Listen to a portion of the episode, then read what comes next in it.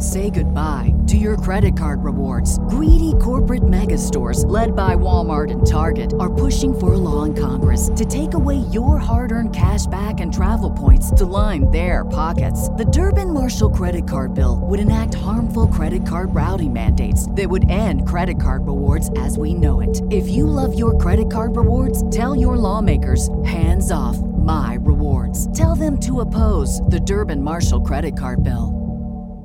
Temple University is ranked among the top 50 public universities in the U.S. Through hands on learning opportunities and world class faculty, Temple students are prepared to soar in their careers. Schedule a campus tour today at admissions.temple.edu/slash visit.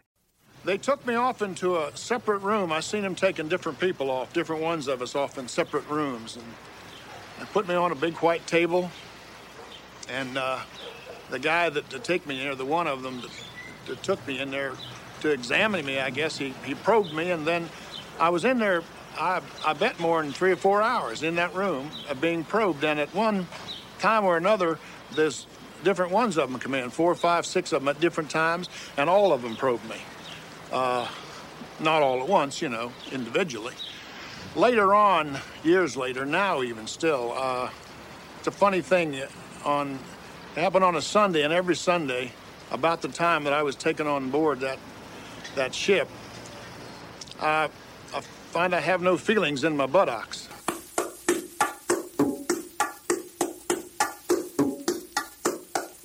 Now that you have the sound down pat, you're ready for what you just heard. The basic bongo rhythm beat. It's called the martillo. Let's hear some more, Mr. Bongo.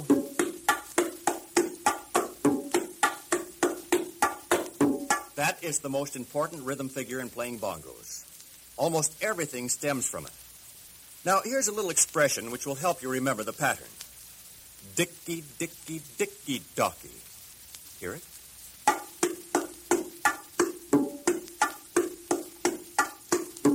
Dicky, dicky, dicky, docky. Dicky, dicky, dicky, docky. See? Keep that pattern in mind. It may sound humorous, but it's important and it helps.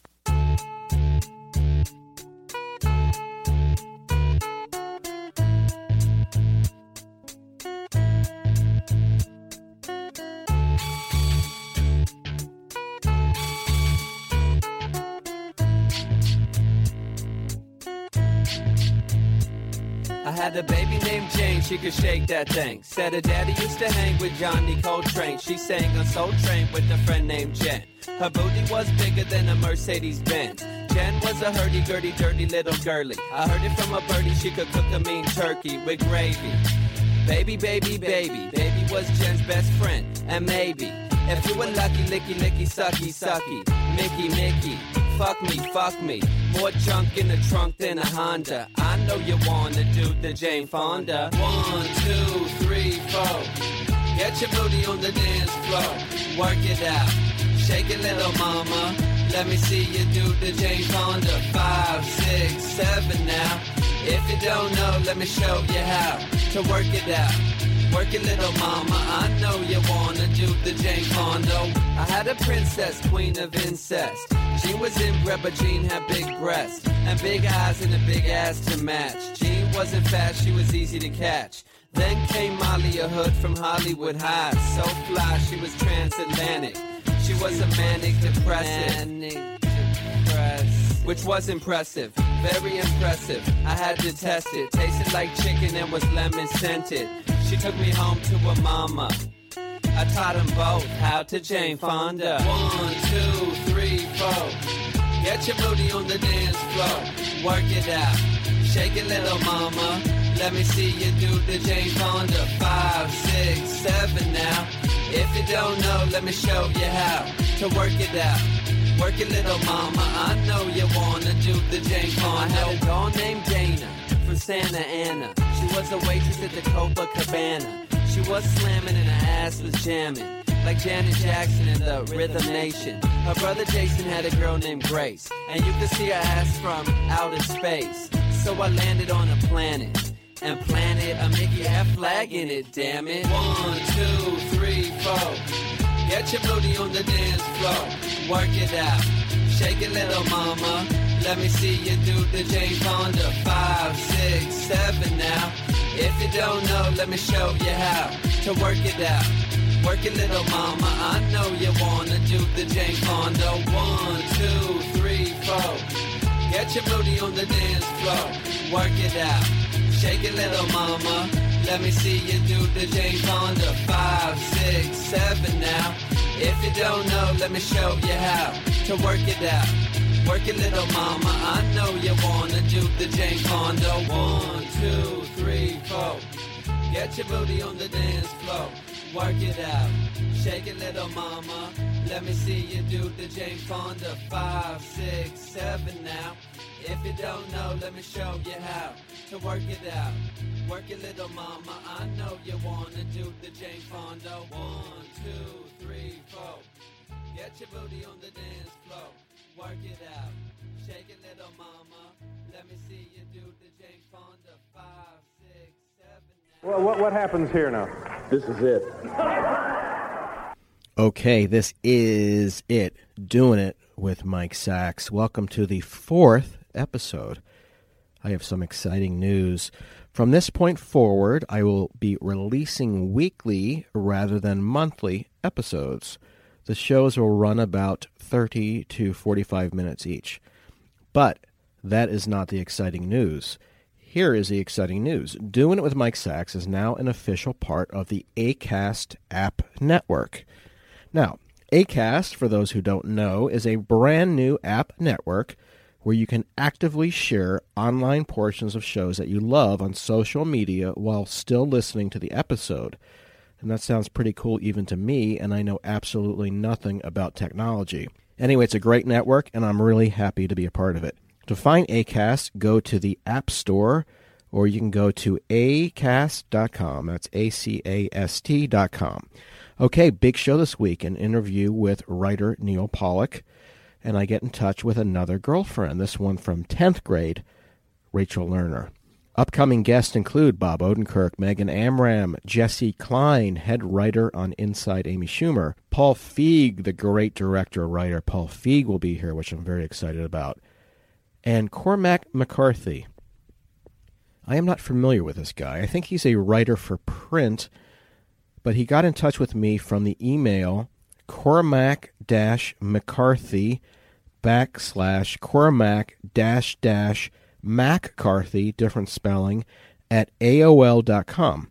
And he said he might be interested in giving his first in depth interview in years, and that I was to send him $25 in cash to a P.O. box in Missouri. That's all he said. Then he signed it Love Core. Anyway, seems legit. I will talk with anyone. I ain't picky. Okay, this is apology time. About once a month or so, I apologize for some of the stupid things I've said to upset the listeners over the previous episodes. And if you're a listener to this podcast, you will know that I must do this in order to keep my government issued license to podcast. And by the way, the government I'm talking about is that of the tax haven of the Cayman Islands. I head on down there every few weeks to steal a few endangered wild sea creatures to put into my private aquarium that I am not allowed to legally purchase here in the U.S., being the police state that has become under Big Brother Barack.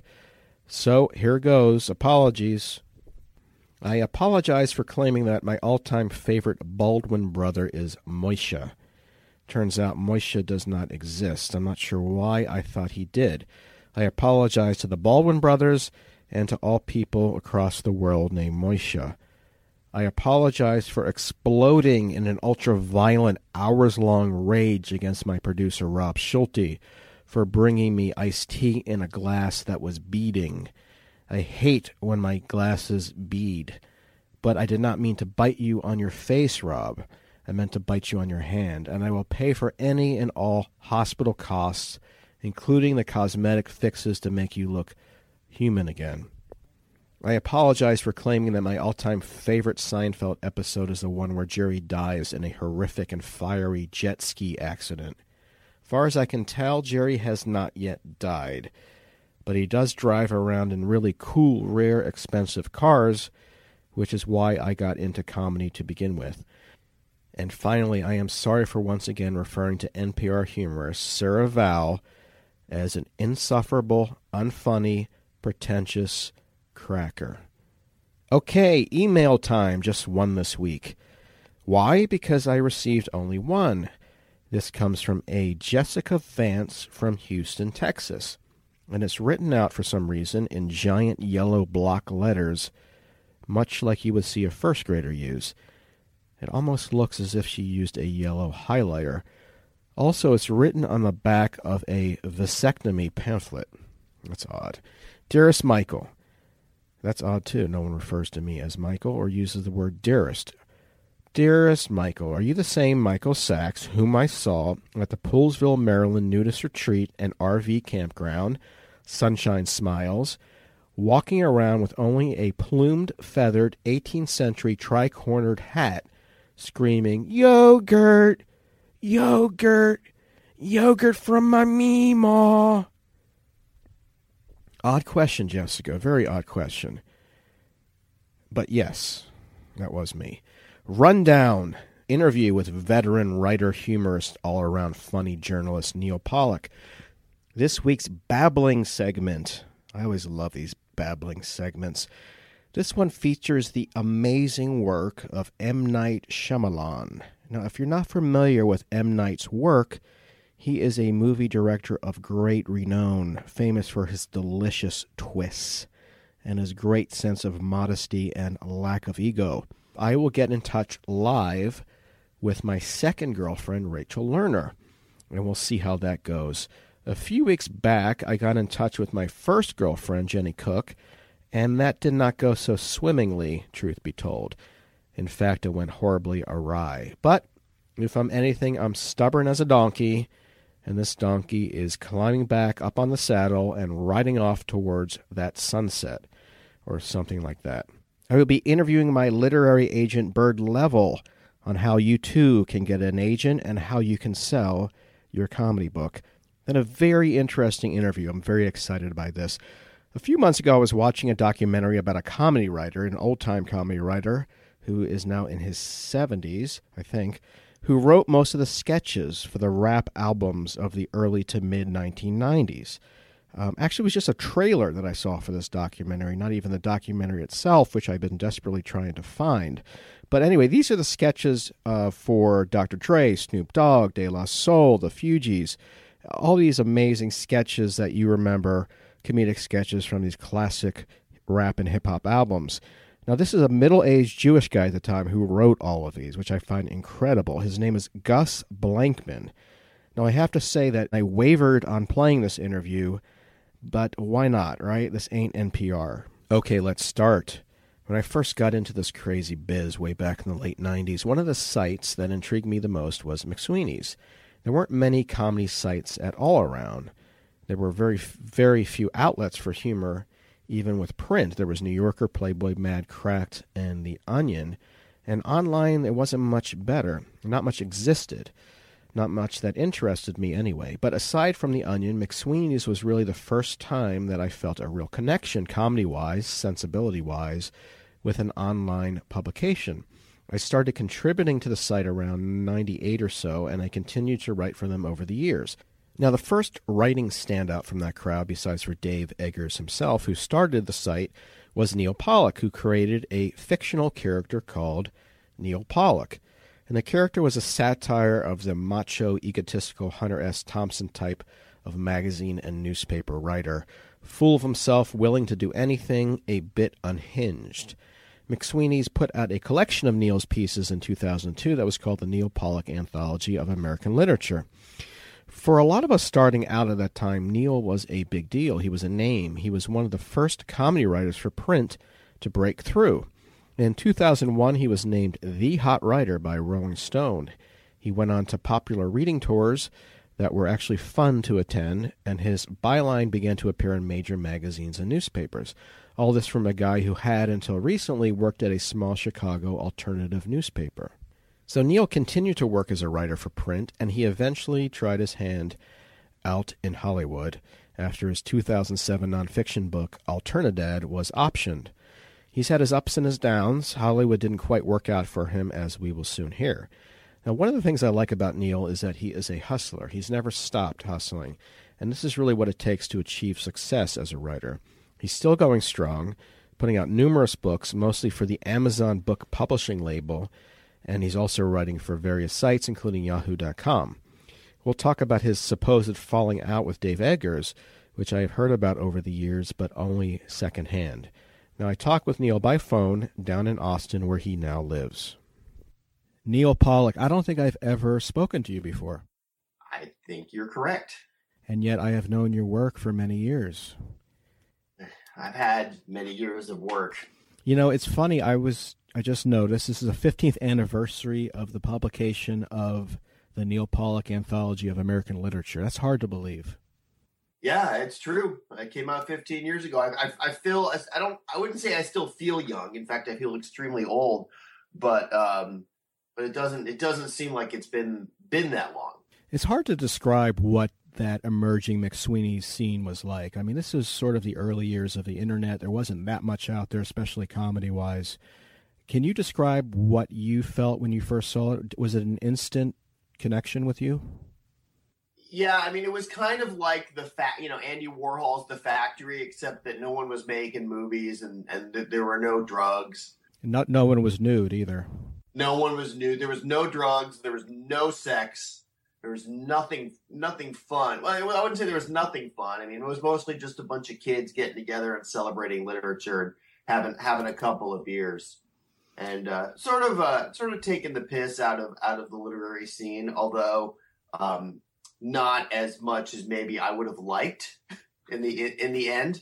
Um, but at the time, you know, it felt it felt very fresh and it felt it felt very different because the literary scene was was old and stodgy uh, in the late '90s, and uh, McSweeney's injected a little bit of of, uh, of of character and vigor into it. It also had a sensibility that I had never seen before. I mean, I guess you could have compared it with Might, which Dave Eggers had put out previously, but it was a very specific sensibility that really spoke to me at that time.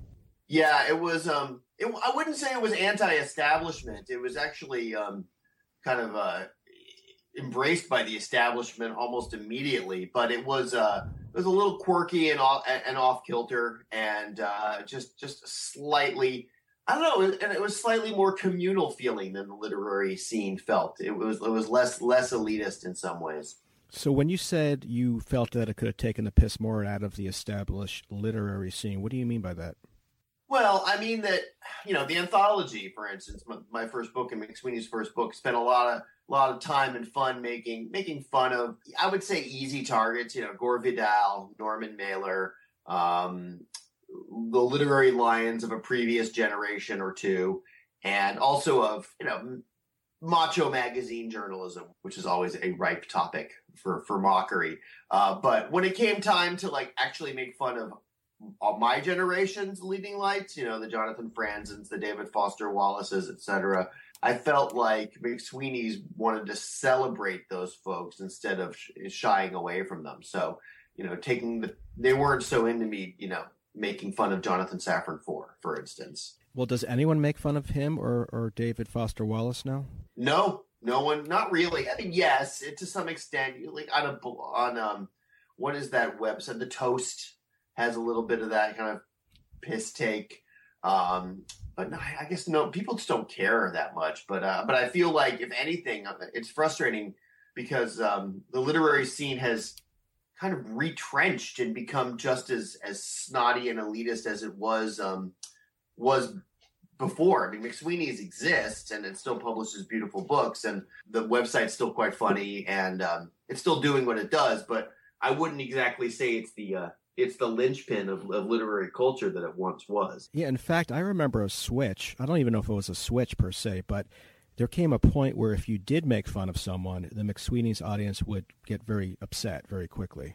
Yeah, the Believer, uh, public, which is a, a, literary magazine, an arts magazine published by the McSweeney's Empire. Uh, there was an essay by Heidi Julavits talking about how you how you shouldn't criticize essentially other people, which I found I mean, she argued it well, but I, I, just basically her argument was, you know, no one reads. So if you're making fun of other literary writers, what you're really doing is uh, you're you're hurting the family. If you if you if you make fun of it, then you're damaging a very small wounded animal. And I can see that if if you're going to give a negative review for a book in the New York Times, I won't review books that I don't like. I think there's too much out there that is worth talking about in a positive way. And yet, the fact that David Foster Wallace, you can't say anything bad about him or parody his writing, I think that's a little much. Right, and that's that's different than than savaging the first novel of some right literary writer who's trying to you know bust through. I,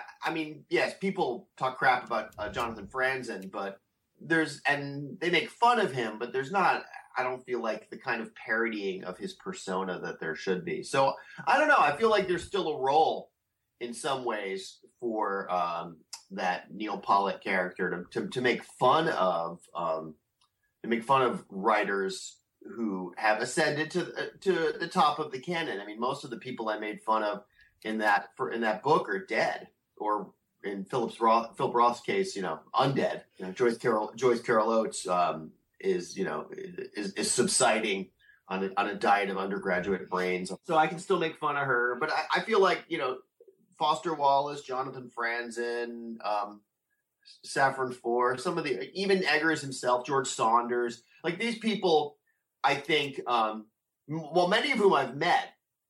I wouldn't say I know I'm good personal friends with any of them, but I've met all of those people in, in my in my um, uh, adventures as a as a semi famous writer. But uh, I don't think any of them are immune from mockery. I think so too, and I think that would hold true also for comedy. But no one is ever willing to sort of bust a balloon uh, in public about someone's work. Yeah, no one's going to make fun of Judd Apatow. Let's talk about that. Why won't they do that? Because he's very powerful. I think the the idea is that he can pull the trigger one way or another on your career. Our career, or someone out in Hollywood. Well, like, well, the problem is, is that everyone thinks that their career is somehow the career that's gonna gonna be the big career, right?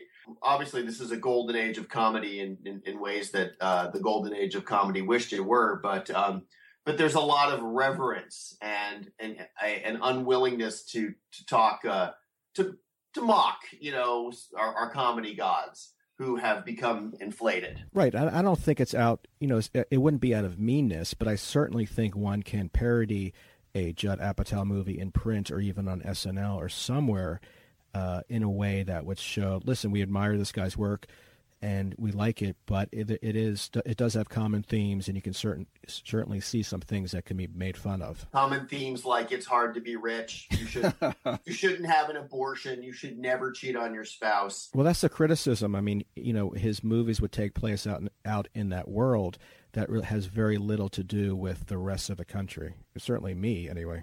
And and displays a morality that doesn't exist in that world, the world of Hollywood, where it's you know you should be faithful to your spouse and not have an abortion. I mean, I, I just don't that that to me it was not when I lived in Hollywood was not. I don't know about the abortion part, but you know, a lot. I knew a lot of people who were screwing around. You know. So, do you, where do you think he's taken us from? Is it his own morality, or is this something that he thinks that the audience wants to see? I don't know exactly. I, I feel like he he, but yeah, but I feel like he's reflecting his own a sort of a very sort of conservative suburban morality. But I don't I don't feel like there's a lot of self awareness of it. I do know that I often find myself very um, disappointed in in comedies. You know, I'm, I'm not, not laughing not laughing as much as I would like. You know, not, not laughing like I did at the comedies of, of, of, the Zucker brothers, for instance, or, or other, you know, comedies of our childhood. Why do you think that is? I mean, is it because you're getting older? Not necessarily. I just feel like, um, I just feel like there's, there's not that funny, you know, is what it comes down to. You know, like for instance, like that, um, I don't know that that that Melissa McCarthy spy comedy. There's a lot of great gags in it, but I also felt like it was it was, it was suffused with just incredibly mindless, gory violence. Yeah, much like the Heat with uh, McCarthy and Sandra Bullock was, where people, you know, people getting stabbed through the hand and like blood spurting everywhere, and it being very. It wasn't just like people falling down or or, or cars driving off cliffs. It was it was really gory, and um, you know, I found that uh, a little hard to stomach. Well, you have a son. How old's your son now? My son, I have a 13 year old. Okay, so these are movies that would you not want to take him to because of the violence? No, I don't have any. I, I basically don't have any media restrictions on my kid. By the time I was 13, I had no media restrictions. Well, I don't feel like it's the job of parents to hide things from their children. you know, um, I, I that's just not. I mean, yeah, we, yeah, we weren't letting him watch The Walking Dead because when he was six, mostly because it wasn't on. But as he get, I mean, he's he's a teenager. He's, you know, you did all kind. You you know, you went to see R-rated horror movies when you were a teenager. Let us not over overly shelter these these precious works of art that emer- emerged from our loins. You know, it's like let's just just let them let them live their life what I care about not so much is that he doesn't see things, but that he has a take. You've gave one of the most honest interviews from a writer's standpoint that I've ever read, and this is with the Onion with the great Nathan Rabin.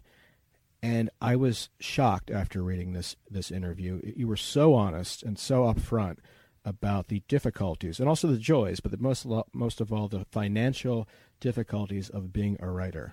Yeah, yeah. I mean, it's a really hard way to make a living. There's no question about it. And uh, there are it's mostly valleys. There are occasional peaks when like your book gets optioned, or maybe you get a.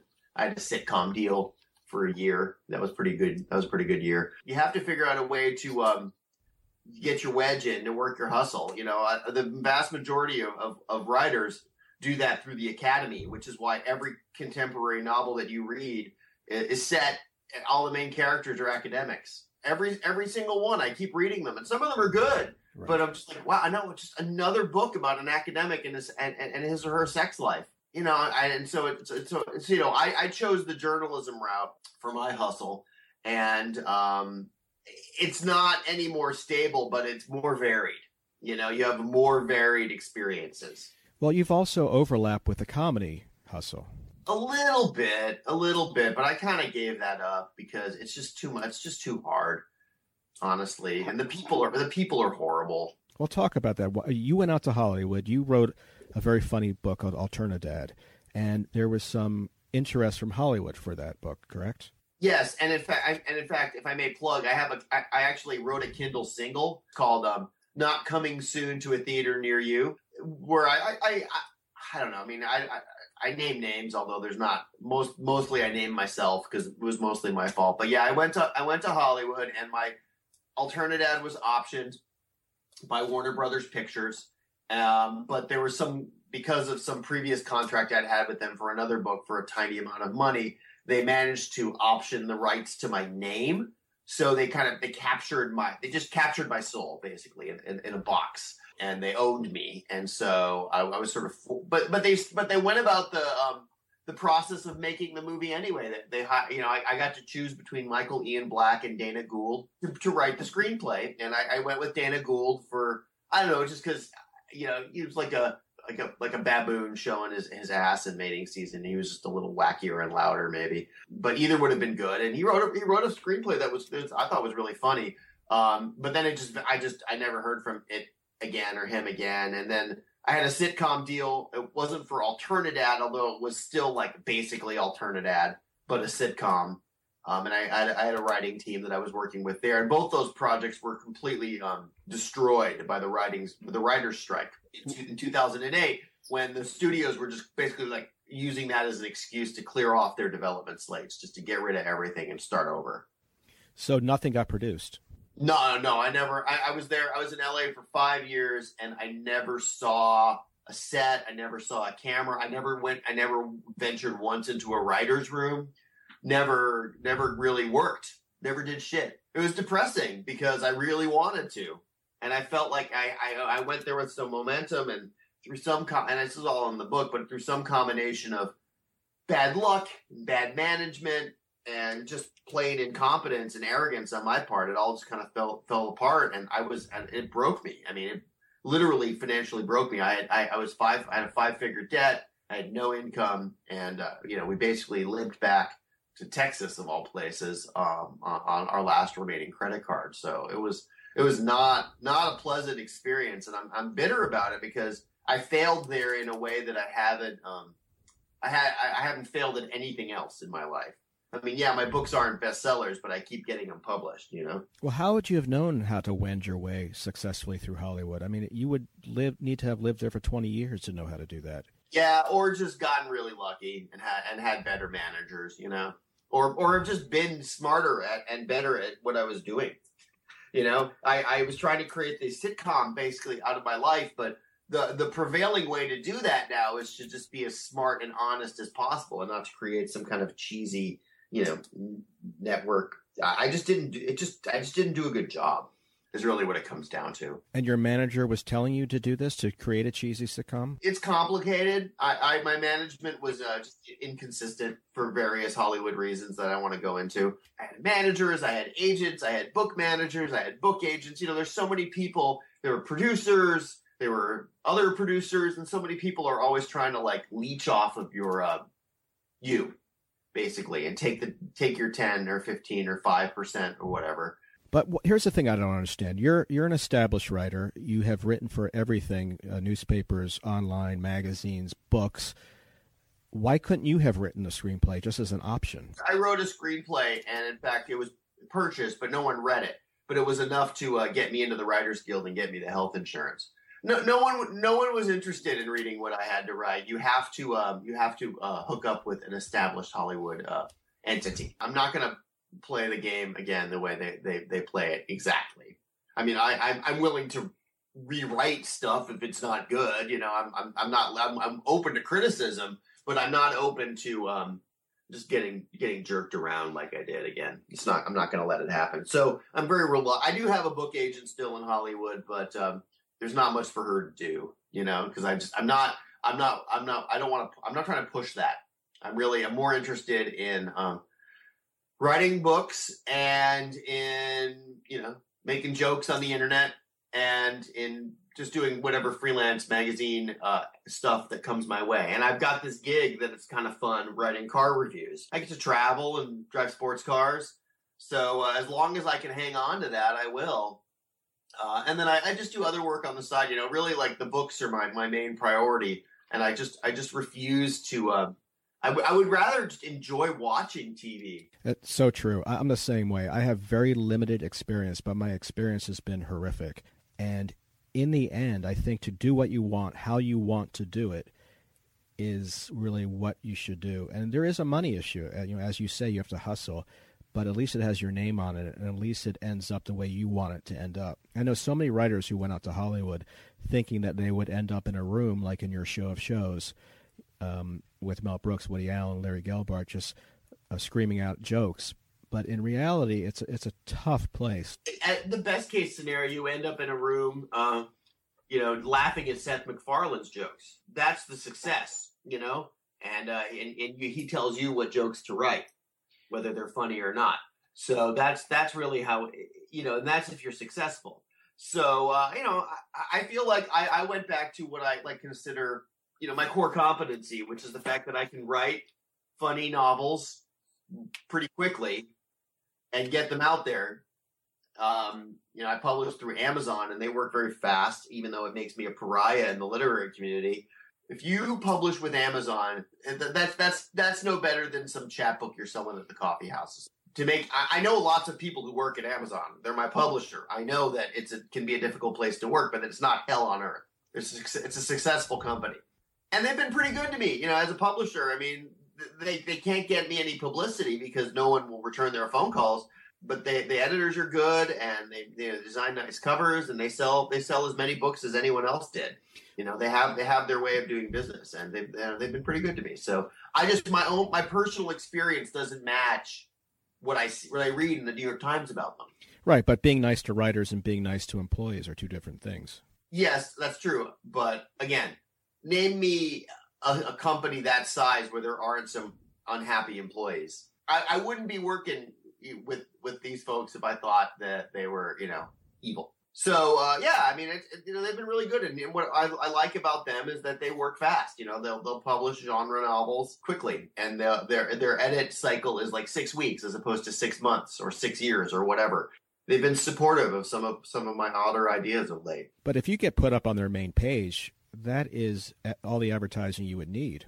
What they'll do is they will they will take your book and target it very specifically to people who have either bought your books before or who have bought in that genre you're writing before or who you know they, will they'll, they'll slap some keywords on your book and they'll they'll target people who you know have a, a keyword that relates to your book and uh, you know, and then they'll do sales and they'll sell your books in bundles, and so they'll, you know, they'll push thousands of copies out, you know, uh, through through the uh, Ethernet, but they won't. Um, they're they're not going to make your literary reputation. It's not a good place for young writers who put out books necessarily to go to before they go to the major publishers. It just depends on what they want to do. You know, if you're like a young sci-fi writer, or a young romance writer, or a young mystery and thriller writer, I would say that it's fine. Um, but if you're a young literary writer, you know, there are some young literary writers who get their who get their first book published with Little A, uh, who do, do do well and they do their best, you know. But you know, being a young literary writer in general is kind of a crapshoot. But if you're looking to be like the breakout literary hit of the season, I would say that it's probably not the best spot. All right. Let me ask you something that, that I've wondered for years. You were the it guy at McSweeney's. Uh, we all read you. We all loved you. Um, you were sort of a um, celebrity to us. You, you, you had a name that was bigger than life. You were doing the type of writing that we wanted to do. And then all of a sudden, it seemed you were on the outs. And I always wondered why that happened. Basically, Eggers got tired. Dave Eggers got tired of me talking shit about his friends in public. Yeah, yeah. I was like, you know, I was. He just got, you know, he didn't like it when I was making fun of um, Foster Wallace and Franzen and Zadie Smith and all these people who were friends of his, and some of them were even friends of mine. I just figured that was my job, right? Suddenly, you know, they didn't. There was not the jest was not. Uh, that was not the jest he wanted anymore. Did he discuss this with you? Yeah, he just basically said, "I don't think it's going to work out," um, and uh, and then I was done. I was pretty much just I was just like overnight. I was I was I was gone. You know, and I've been and I and and just relatively uh, just excised from the history of the magazine. Well, but they're advertising your the re-release, the 15th anniversary. Oh, it's been a few. It's been a while now. You know, like the the, the uh, any any wounds have long since healed over, but you know, advertising the re-release it doesn't take much just to say, hey, yeah, I'm still friends with the guys who run the website. It's not like you know, Edgar said no one ever talked to this guy again. You know, it wasn't like that, but it was more like a, you know, we're going in a different direction, and your voice is no longer uh, required and and that was the voice of McSweeney's for a long time. I mean that. And the, and I think part of the problem was is that it, it was Dave's publication and it wasn't mine, right? So um, I was not what he had intended. I just kind of took off a little bit, but uh, but I but you know it's not like I got my own show, and then I, and then I was kind of left to sort of fend for myself in the wilderness. Have you spoken to Dave since? we were in touch for a few years, and then I wrote something in the New York Times Magazine about our book review about about this, and then he didn't like that. And since then, we haven't really been in touch. It's been about ten years. Wait, when you say about this, you mean about the, the, the... about like dropping my persona and like you know being his guy and then not being his guy anymore. We were friends still, but then I wrote that and he didn't like he didn't he didn't like having that. It's a sensitive sensitive bunch over at McSweeney's. Yeah, he didn't. He wasn't. He wasn't into it, and uh, you know, I, I, didn't really say anything bad about him at all. But uh, but it was um, they, they don't they, they, don't like the, uh, the, the curtain being pulled back. When when you created this persona, was there was there a point where your ego merged with the character's ego? I never believed that I was the greatest living American writer. I did enjoy. I, I did get a you know a, a huge uh, kick out of the celebrity that I had. And I was definitely partying hard and really like living it up. I mean, it came out of nowhere. I was just a newspaper reporter in Chicago. I didn't have any national platform, you know. I didn't have, and, oh, and all suddenly overnight I was a famous writer, and that was that was great. It's everything I'd ever dreamed of. It's all I'd ever wanted, you know. Um, and uh, it was it was so fun. I just traveling around, going to bookstores, doing readings, and getting getting paid to do that and to write books. I mean, who who who would want more than that? Well, that's what I liked about it. I mean, you made it fun. It was. It, I always found those events so stuffy, and the fact that you were willing to put yourself out there uh, in various ways, uh, I thought was. I mean, it's a fun way to go to a reading. Yeah, and uh, you know, I would still do that if they let me. Who, who's they? Well, I just I can't tour anymore. Really, I mean, I'm, I'm I can't afford to tour myself and uh, publishers don't pay for tours anymore. And I tried, you know, Amazon.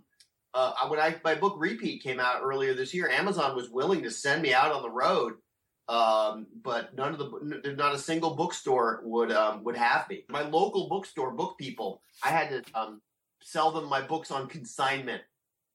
They refused to buy directly from Amazon.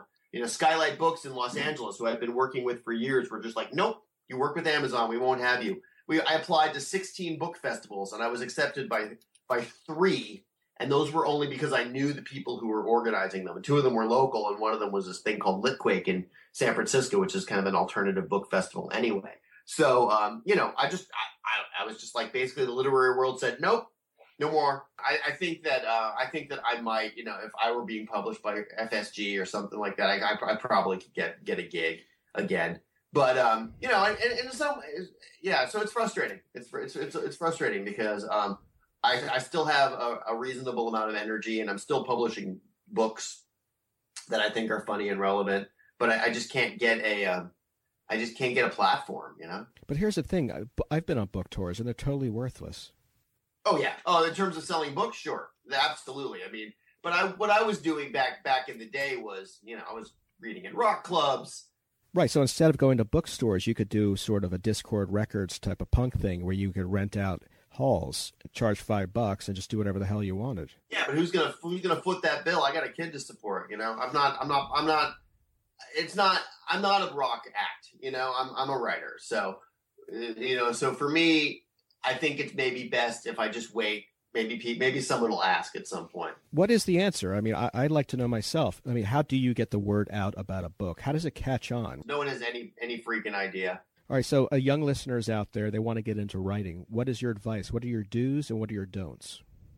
Um, do I would say do write stuff.